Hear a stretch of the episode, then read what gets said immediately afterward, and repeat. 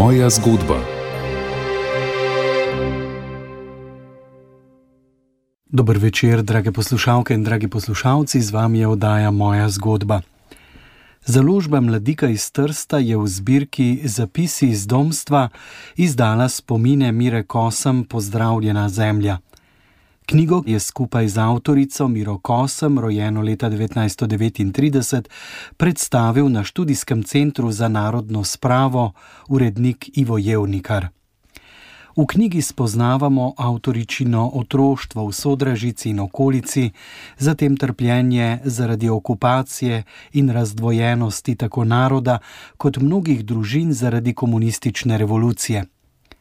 Mira Kosem iz lastne izkušnje opisuje bolečino tistih družin, ki so ostale brez ubitih ali emigriranih mož in očetov, ter povojno zapostavljanje tako odraslih kot otrok, za katere je oblast ugotovila, da so bili na napačni strani sledijo selitev Adamičeve matere in štirih otrok k očetu v Združene države Amerike leta 1955, ne lahko privajanje na nove razmere, pri mladih še šolanje, pa iskanje poklica in ustvarjanje novih družin.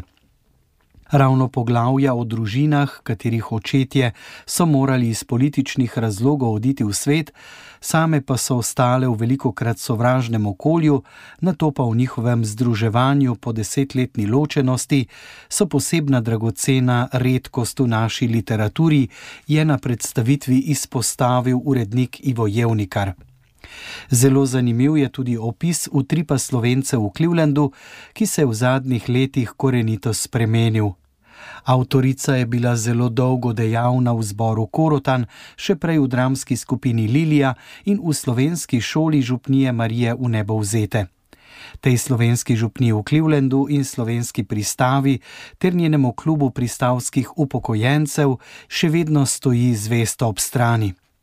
No, urednik Ivo Jevnikar je na predstavitvi spregovoril o bogati in preizkušeni življenjski poti Mire Adamič, ki je v Združene države Amerike v Cleveland odšla leta 1955. Knjiga je šla v Trstu pri Mladiki, torej v zbirki Zapisi iz domstva. To je zbirka knjig, ki prinaša spomine, razmišljanja naših ljudi po svetu. In to je že deveti, deveti zvezek. Posebnost te knjige je v tem, da obravnava, poleg ostalega, ampak recimo slike umika beguncev in vojakov prek Ljubelja, maja 45, no, njen oče je opravil to pot in ta bojišča. Medtem ko je sama z mamo in z ostalimi člani družine se pridružila očetu v Clevelandu, v Združenih državah, deset let kasneje. In ta zgodba o teh ločenih družinah, o življenju v domovini, v domačih krajih, v neravno prijaznih okoliščinah v prvih desetih povojnih letih in potem uživanje v čisto nove domovine, to je redko obravnavano v naši publicistiki, v naših knjigah in mislim, da avtorica izjemno lepo, zelo čustveno z, ne vem, če se sme še danes reči, ampak z veliko žensko občutljivostjo vse to prikazuje. Sama je doma iz Sodržice na Dolenskem. Ko se je leta 1955 znašla v Clevelandu in začela vse znova, brez poznavanja jezika, brez šole in tako dalje, se je vključila v slovensko skupnost, v kateri je še vedno zelo dejavna, dejavna zlasti, veste, da v Clevelandu danes ta osrednji središči dve slovenski župniji, Sveti Vit in Marija v Nebozeta, ona je pri Mariji v Nebozeti. In potem je tako zbirališče slovencev, tudi takih, ki sploh ne govorijo več slovensko, ampak gojijo slovensko zavest na slovenski pristavi. Ne? Predvsej zunaj mesta, za naše razmere, za njihove je čisto blizu. Ne? Od začetka je bila v dranskih skupinah, v zboru Korotan, z njim tudi gostovala za mestu, ko je bila še doma diktature, poznaje tudi v matični Sloveniji, tudi v Cankarjevem domu, zlasti ko je šlo za obletnico povojnih pobojev in začetka begunstva. Torej, vse to v tej knjigi lepo preliva skupaj z zgodbo njene družine, začetne in potem ameriške družine. In s temi željami, ki jih izraža že naslov, Pozdravljena zemlja. To je rdeča nit celotne knjige, to je naslov poezije, ki je postala nekakšna himna korotancov v Združenih državah. In od prvih začetkov v Ameriki do, do danes ta poezija. Neka rdeča nit, neko upanje, spomin na trpljenje, ampak tudi upanje v spravo.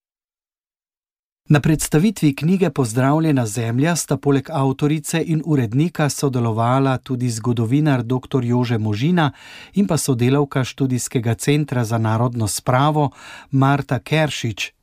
Oba sta bila v preteklosti deležna velike mirine gostoljubnosti na njenem domu v Clevelandu, ki ima je odprla tudi vrata številnih drugih pričevalcev med Slovenci v Združenih državah Amerike da posneti spomini ne bi utonili v pozabo in da so danes na voljo širši javnosti med slovenci v matični domovini, zamejstvu in po svetu, pa je najprej povedala Marta Keršič. Res smo počaščeni, da je predstavitev te knjige prav na študijskem centru za narodno spravo. In jaz tudi nekako vedno pravim, da je prav privilegij imeti miro za prijateljico. Lahko rečem, da smo prijatelji. Kako pa se je vse skupaj začelo? V bistvu v letu 2010, takrat je študijski center za narodno spravo obiskal Jim Kosem, ki je bil raziskovalec na univerzi v Nottinghamu. In je s sodelavcem obiskal študijski center z namenom, da predstavi ta projekt Spomenik.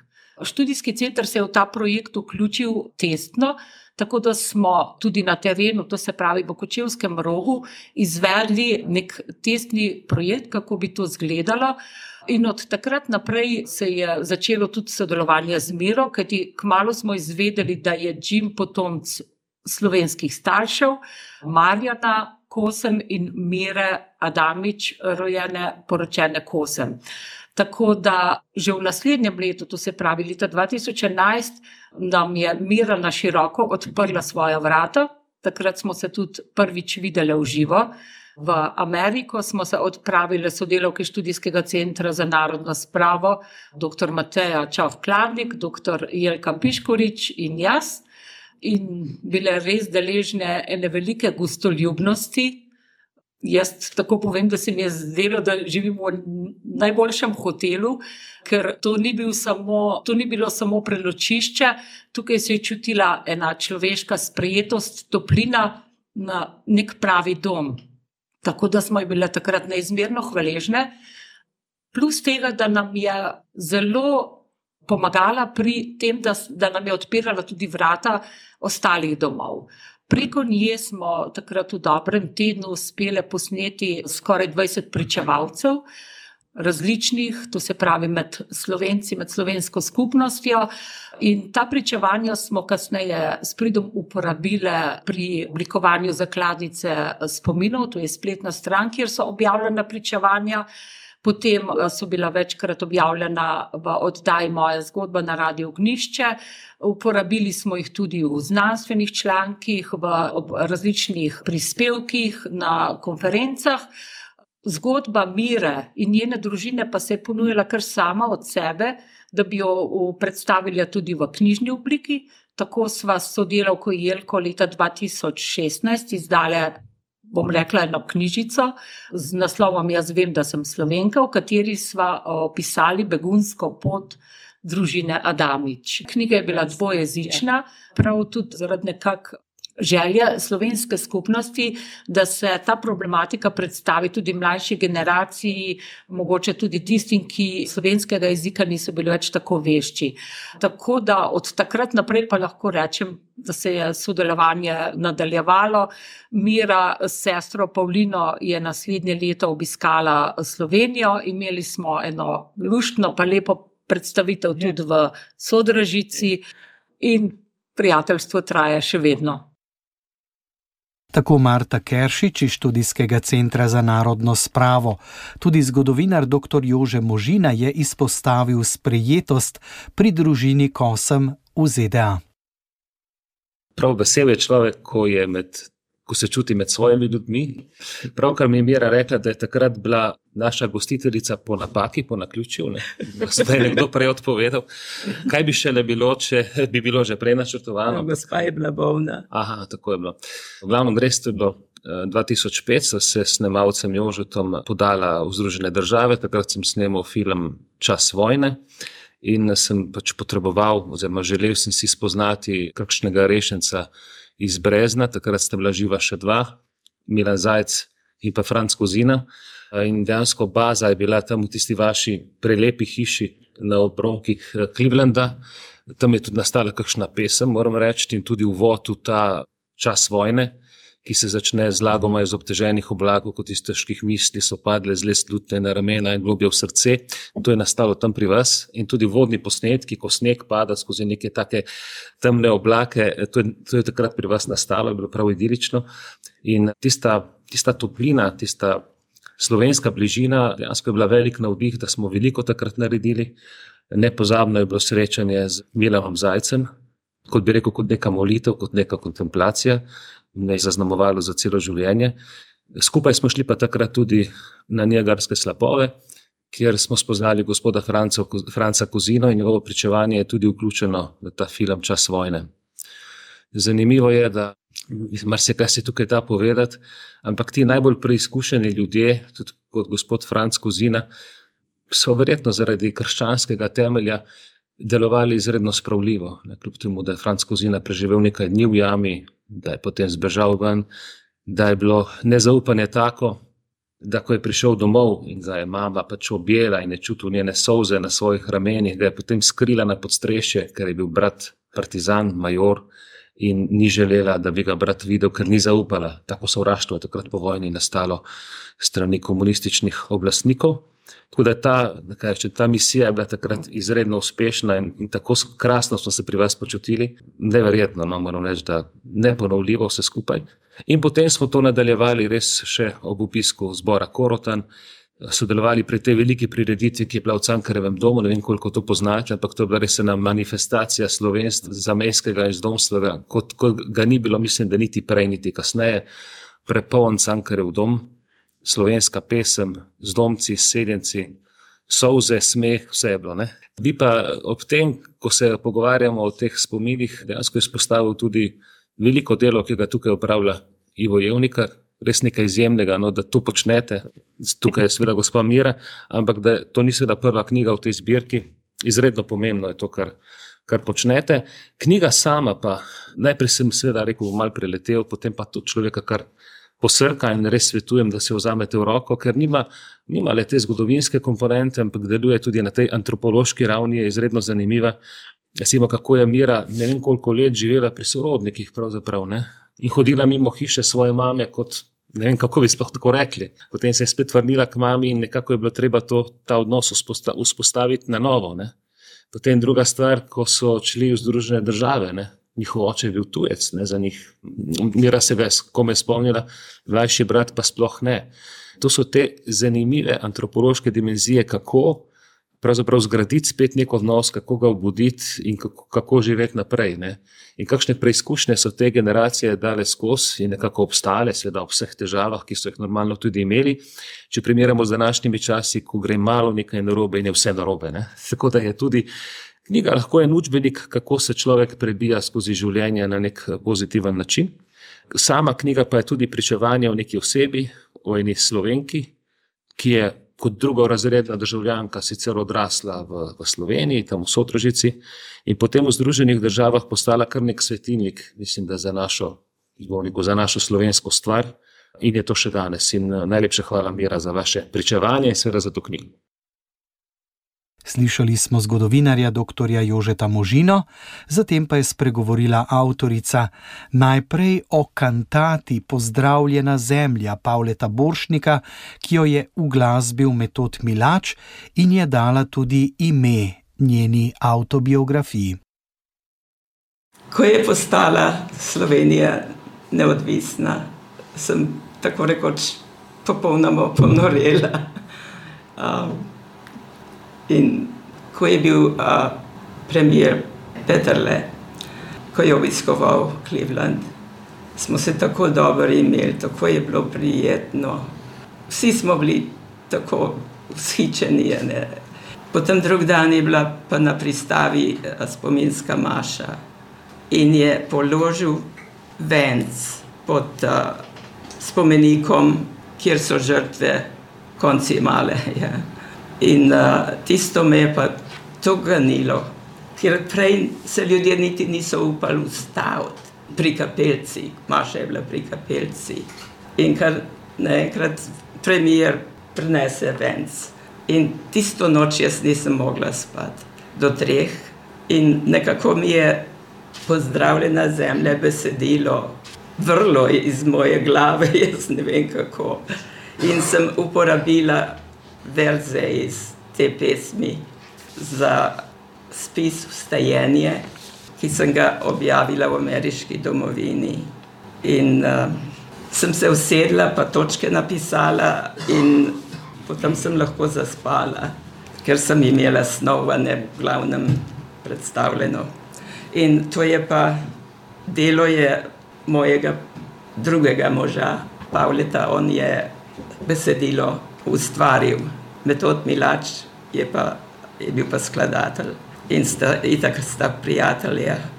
Milač nas je imel pri Korotanu, je bil naš pevovodja deset let.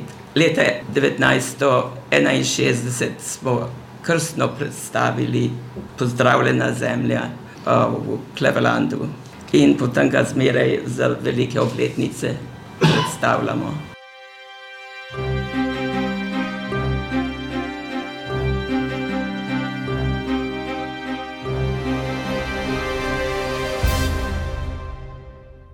Zatem je besedo spet povzel urednik Ivo Jevnikar. Vsekakor ta knjiga ni, ni tvoje prvo pisanje. Ti si začela pisati še kot študentka, potem za ameriško domovino, slovensko-ameriške čase, to je sedajni mesečnik slovencev v Clevelandu. Pisanje je bilo po eni strani izraz ljubezni do snovi, ki jo obravnavaš, pričevanjsko, po drugi strani tudi nekakšna terapija. Ne? Kaj ti, gospa, je bila najprej poročena z Marjanom Kosmom, ki je potem po hudi bolezni preminil. Skupaj z njim sta tudi pripravljala to. In potem, ko je mož umrl, je priskočil nekako na pomoč avtor ravno te pesmi, ki jih prej osebno nisi poznala. Ne? Napisal v angleščini zgodbo tega potovanja, romanja, pa tega, kaj se je dogajalo med vojno v Sloveniji in tako dalje. In je potem postopoma prišlo do, do zbližanja in novega, novega zakona. In mislim, je zelo edinstveno, bi rekel, kako opisuje z veliko ljubeznijo prvega in drugega moža, in kako to na preprost, zelo iskren način predstavlja to življenjsko zgodbo, ki, ki je nekateri niso mogli razumeti, recimo, ne? yeah. Ja. vsaj nekaj časa. Ne? Prvi božnik, drugi mož pa je bil že utečen publicist, ne, stalno je pisal, pa več knjig izdal, tudi v angleščini in tako dalje. Potem je napisal spomine, moj čas, ki so najprej iskali založnika nekje v Ljubljani, ga niso našli, potem so prišli do, do mladike. Pri mladiki sem bil jaz za to odgovoren, ampak dolgo se nisem tega lotil, ker da, pač so bile druge stvari na, na vrsti in malo časa, tako da, tako da je že obupal. Ampak potem je knjiga šla. Mira je izredno pomagala, zlasti iz tehničnega vidika, vse fotografije in tako dalje. In, tako dalje. in potem smo rekli, bomo knjigo predstavili v Clevelandu. In ta knjiga je pomenila tudi en mejnik, recimo, ne, v vajnem življenju. Povej nekaj o tem in kako je Pavleta spodbudila, da je še dolgo pisal potem. Ne. Doktorica Rozina Švent je bila tista, ki je Miro Kosem spodbudila k pisanju spominov. No, v glavnem, Rozina je, mi je za Božič pisala, pred lanskim je bilo, mislim, in je, me je navdušila, da, da bi pisala o, o mojem življenju. Jaz nisem nikdar mislila objavljati, kaj je pa. Navajena sem bila mehne spise pisati ampak me je podprla in sem rekla, ne smem jo razočarati. No, ja, tako sem začela spis za spisom in ga pošiljala. Imam devet let izobrazbe v Sloveniji. Zadnji je bilo v novem mestu na učiteljišču. In tisto leto je, je bilo za me mučno, ker prvič uh, imeli smo uh, izpite za vstop na učiteljišče. Jaz sem mogla delati popravni izpit in sem bila zelo žalostna, ker s mojo sosedo, prijateljico, sva skupaj šle na, na testiranje in ona je lepo izdelala, jaz pa nisem. In v tistem času je bilo že govora, da bomo šli v Ameriko, in sem si mislila, da ni treba, da, da, da grem nazaj. Ampak pol sem pa premislila, kaj pa če bodo spet nagajali. Novi red v Sloveniji ni podpiral, največ se je šlo zaradi cerkve, ker je bilo. Jaz sem bila katoličanka, verna katoličanka. Večina nas je bilo, ampak so nam povedali, da bomo izključeni, če se zve, da, da obiskuje crkvene obrede ali kar pač. Seveda za božič nismo smeli domov. Bili smo v Šmihelu, v nekdanjem Notre-Damskem samostanu. Ja. In uh, naša spalnica je bila 30 postelj in približno toliko študent. Kar naenkrat ena učenka je šla min, pa prav je zagledala bakle pred cerkvijo, so ljudje prišli z baklami polnočnic. In uh, potem nas je pa vse poklicala Hoknu, ker se je vse videlo dol do, do cerkve. In uh, smo jokale, ker bi bili rade doma pri jaslicah, pa pri polnočnici. Knjiga Mire Kosem z naslovom Pozdravljena zemlja, ki je išla v zbirki zapisi iz domstva pri založbi Mladika v Trstu, je pretresljivo pričevanje časa, ki je zaznamoval mnoge slovence med in po drugi svetovni vojni, hkrati pa je prijetno brljiva, saj so vanjo utkana osebna doživetja posameznice, ki je na poti polni izzivov izžarevala človeško toplino, iskrenost in veselje vsakdanjih trenutkov. Vsebina knjige odstira globino zrele žene, ki je bila kljub svoji milini in sočutnosti zmožna odločnih in pogumnih korakov. Zdaj pa prisluhnimo še odlomku iz knjige Pozdravljena zemlja.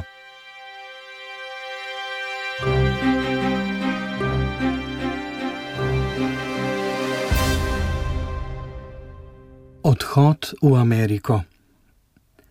Nekaj let pred našim odhodom je stric Ivan našel svojo ljubezen. Poročil je Mitsko in postali smo večja, še srečnejša družina. Tako smo bili navezani drug na drugega, da smo vsi okali, ko je prišel čas slovesa. Začeli so prihajati domači in prijatelji. Mitska pa je dobila porodne popadke. Kmalo je prišla babica in preselili smo se k sosedu. Baje je bilo tako hudo, da je mesec pred predvidenim datumom porodila malega Janja Miheliča. Ravno pred našim slovesom smo imeli priliko videti zdravega novorojenčka. Za mamo in sestro se je slovo začelo pred družinskim slovesom. Bili sta pevki na koru in to je bilo za njo prijetno zatočišče. Kar je bilo crkveno, je bilo sploh zatočišče. Leto našega odhoda je bilo posebno leto, saj smo dobili novega župnika, dr. Stanislava Leniča, nekdanjega tajnika škofa dr. Gregorja Rožmana. Prevzel naj bi breme onemoglega župnika Majdiča. Dr. Lenič je prišel v sodražico direktno iz komunističnega zapora. Izpuščen je bil 23. aprila 1955. Na škofijo mu ni bilo več dovoljeno. Škovov ga je poslal naravnost v sodražico. Bil je zaprt 8 let, od tega je preživel 770 dni v samici. Rekli so, da ga je vlada poslala v sodražico, ker je bila občina močno komunistična in njeni ljudje naj bi pazili na novega župnika. On sam pa je zapisal, da ga je v sodražico poslal škov Vovk in nadaljeval: to so bila moja najlepša duhovniška leta. Zelo hitro sem se ob ostarelem župniku Majdiču uživel v te naravno zdrave in brihtne ljudi. Poznal sem vse njihove družine, poznal radosti in britkosti, vse so mi zaupali, skušal sem biti vse vsem. Tako je zapisal v knjigi Moji spomini, ki je išla v Ljubljani leta 1997. In res so ga župljani vzljubili. Kak teden pred našim odhodom so pevci pripravili poslovilni večer za mamo in Pavli.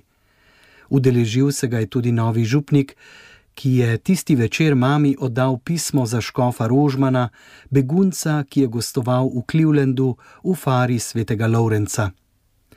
To pismo je mama nosila celo pot pod obleko v posebnem pasu, ki si ga je naredila in ga srečno pretihotapila in oddala škofu Rožmanu po prihodu v Cleveland. Pevci so na poslovilnem večeru naši družini podarili spominsko knjigo, ki jo hrani sestra Pavli. Vanjo so se vsi pevci podpisali in pripisali v spodbudne besede. Tudi dr. Lenič je napisal spodbudne besede.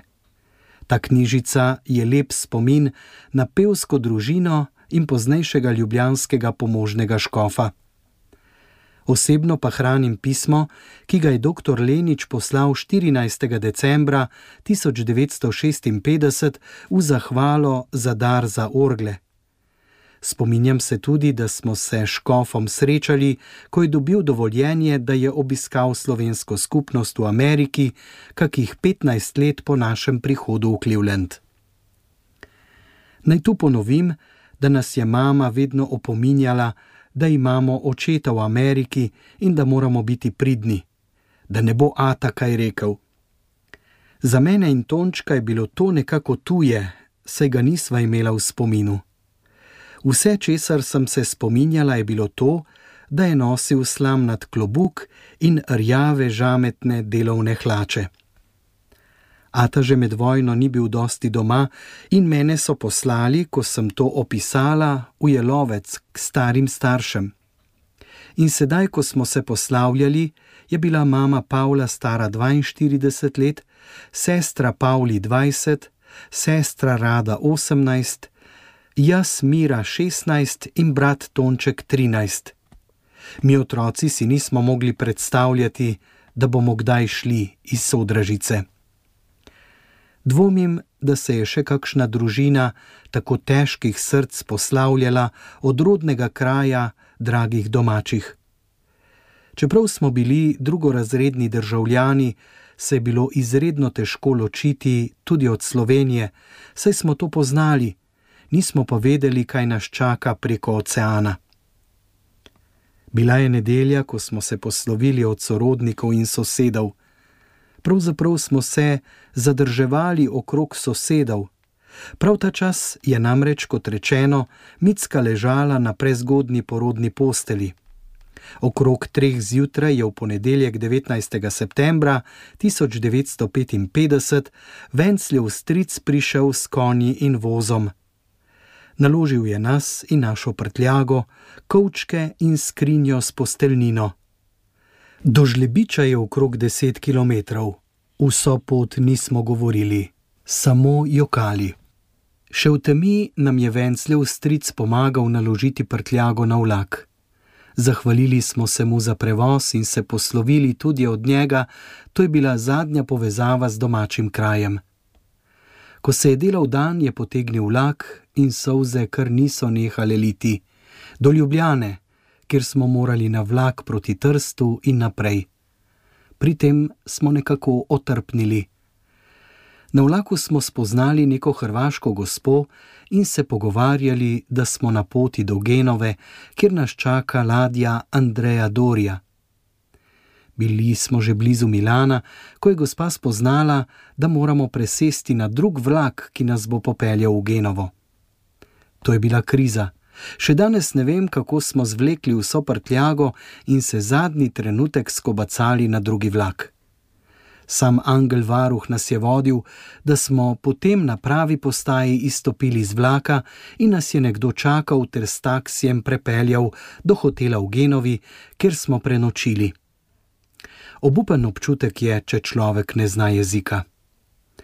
Tudi naslednje jutro je nekdo potrkal na vrata in nas opozoril, da se moramo pripraviti na vstop na Andrejo Dorijo, da avto čaka zunaj.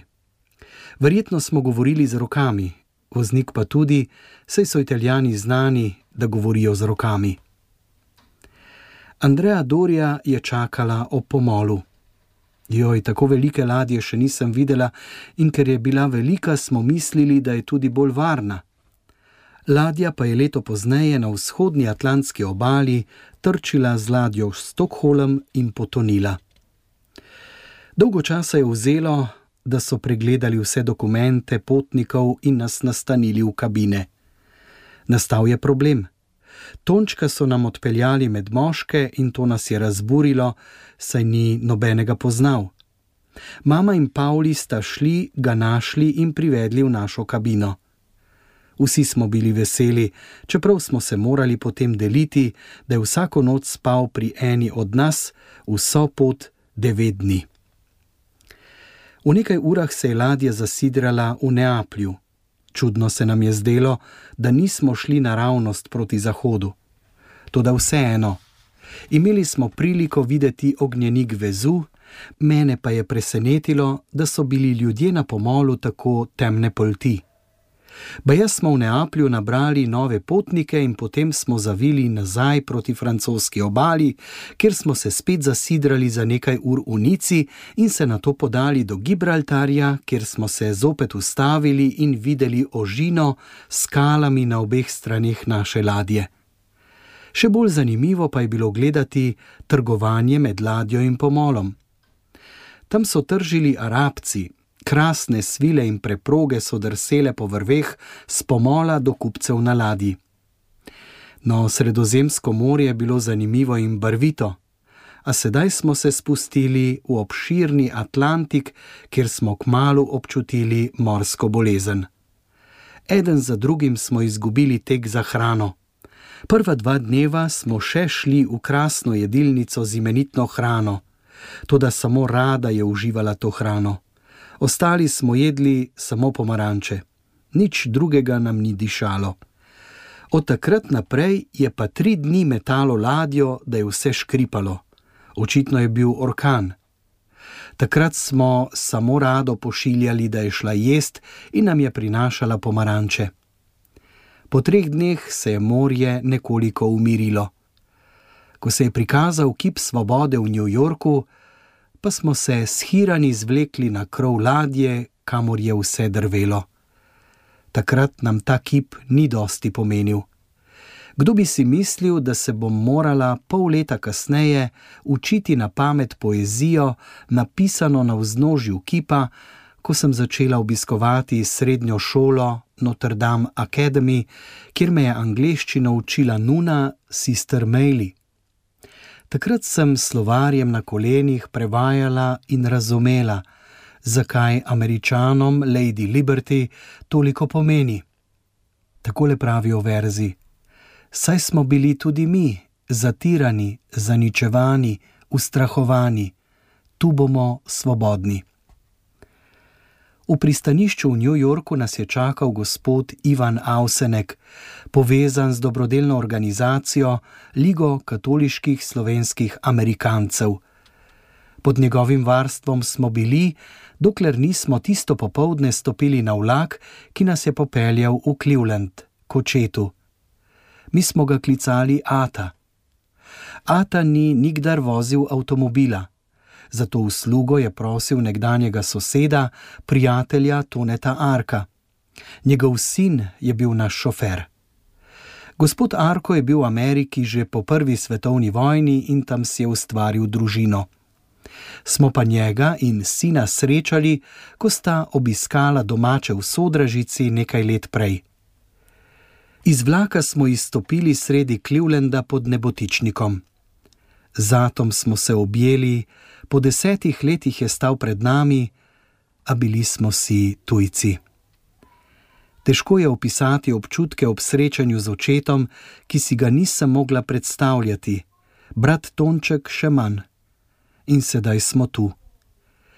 Kako se bo razvila ta zgodba, kako naj zaživimo družinsko življenje, ko se je naše življenje odvijalo tako drugače kot Atovo?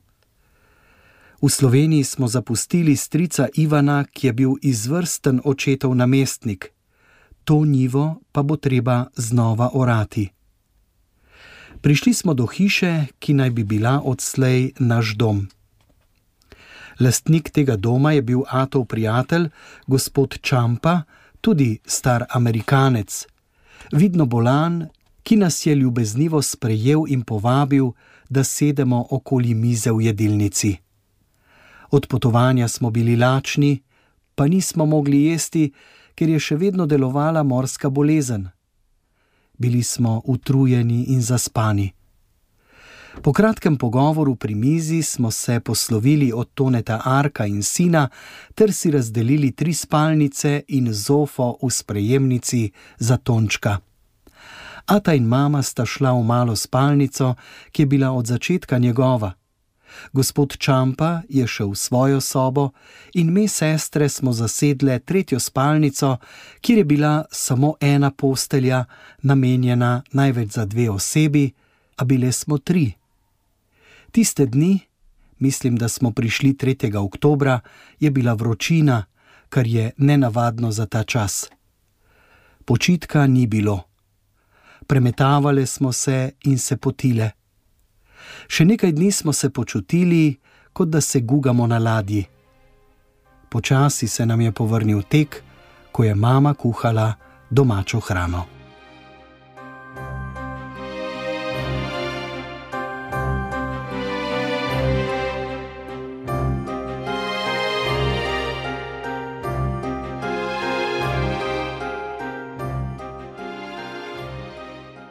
Tako, drage poslušalke in dragi poslušalci, to je bila današnja oddaja Moja zgodba. Posvetili smo jo knjigi spominov Mire Kosem z naslovom Pozdravljena zemlja, ki je šla pri založbi Mladika iz Trsta. Pri predstavitvi so poleg avtorice sodelovali še urednik Ivo Jevnikar, Marta Keršič iz študijskega centra za narodno spravo in pa zgodovinar dr. Jože Možina. Odlomek sem prebral Jože Bartol, ki sem oddajo tudi uredil. Tehnična izvedba Boštjan Smole.